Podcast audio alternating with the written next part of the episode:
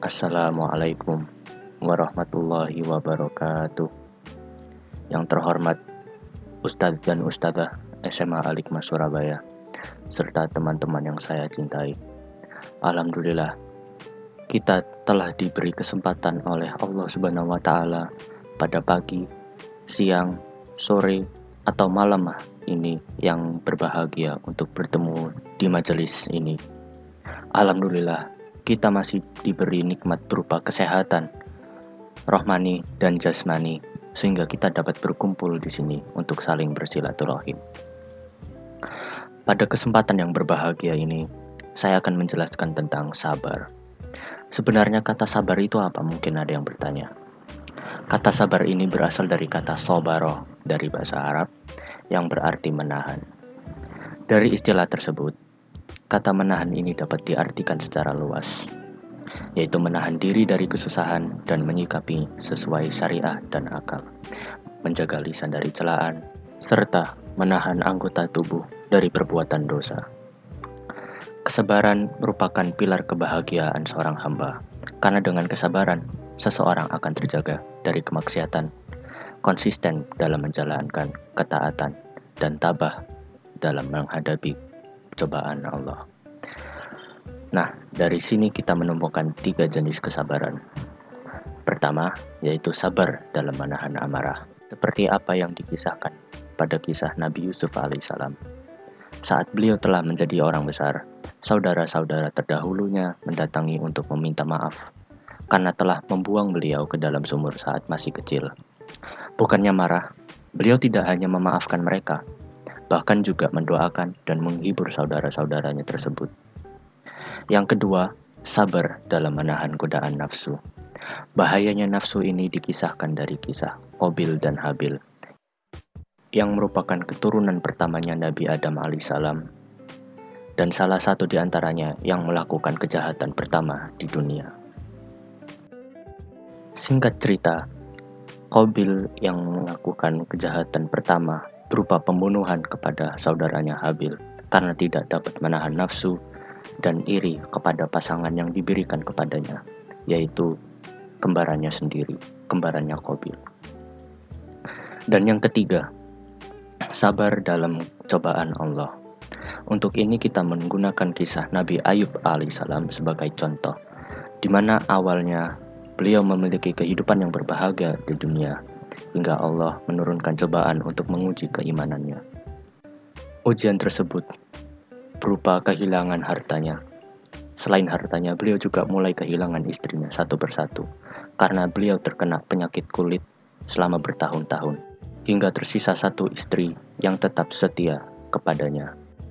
Namun hal itu tidak berlangsung lama, sebab istrinya beliau terkena dengan godaan setan sehingga istri tersebut meninggalkan Nabi Ayub alaihissalam. Singkat cerita, beliau mampu untuk menahan seluruh cobaan yang dilemparkan kepadanya dengan senantiasa berdoa kepadanya. Perlu diketahui pula bahwa sabar ini tidak ada batasannya. Hal ini berarti bahwa kita sebagai hamba Allah harus bersabar hingga akhir hayat.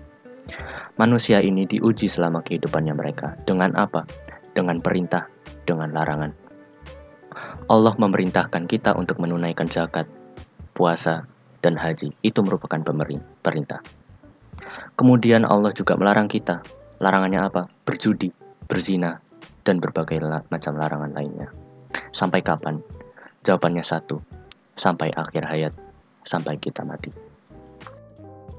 Namun sayangnya, tidak semua orang bisa memperoleh kemenangan dan kenikmatan dari rasa sabar tersebut. Mengapa berat Mungkin ada yang bertanya. Karena sebagaimana arti bahasanya sendiri, yaitu menahan. Dalam bersabar, kita harus mampu menahan diri dari hal-hal yang menggoda kita, bahkan dari hal-hal yang tampaknya menyenangkan dan memberikan kenikmatan.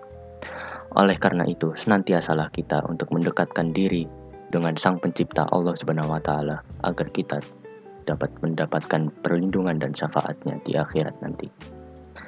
Sabar ini memang tidaklah mudah, akan tetapi dengan ketidakmudahan tersebut, Allah Subhanahu wa taala sedang menguji hambanya yang beriman. Allah akan menguji seberapa kuat hambanya dalam menahan imannya sampai lolos dalam ujian kesabaran tersebut. Selain itu, ujian yang diturunkan oleh Allah kepada hambanya merupakan bentuk kesayangannya kepada hambanya yang sedang diuji. Seperti pada hadis riwayat At-Tabrani yang berbunyi, jika Allah mencintai suatu kaum, maka mereka akan diuji. Niscaya kita akan mendapatkan kemuliaan dari Allah ketika kita dengan sabar telah lolos dari ujian yang diberikan oleh Allah. Namun jika sebaliknya, apabila ada orang yang mendapatkan cobaan atau ujian tetapi dia benci, marah, bahkan sampai melemahkan imannya, maka orang tersebut akan mendapatkan kemurkaan dari Allah Subhanahu wa taala. Seperti yang dijelaskan pada surah Al-Baqarah ayat 153, di mana pada ayat tersebut Allah menerangkan bahwa ia akan selalu memberikan pertolongan kepada setiap hambanya yang menjalani perintahnya dengan baik. Pertolongan tentunya akan diberikan oleh Allah Subhanahu wa taala pada setiap hambanya yang sedang mengalami kesulitan atau kesusahan. Terutama jika hambanya melaksanakan kewajiban dan menjauhi larangannya, serta berdoa, beristighfar, dan memohon ampun kepadanya. Itulah keistimewaan dari sikap dan rasa sabar itu sendiri. Demikian sepatah dua patah kata dari saya. Semoga dapat memberi manfaat bagi kehidupan para hadirin semua. Mohon maaf jika ada kesalahan ucapan yang saya ucap. Alhamdulillahirabbil alamin. Wassalamualaikum warahmatullahi wabarakatuh.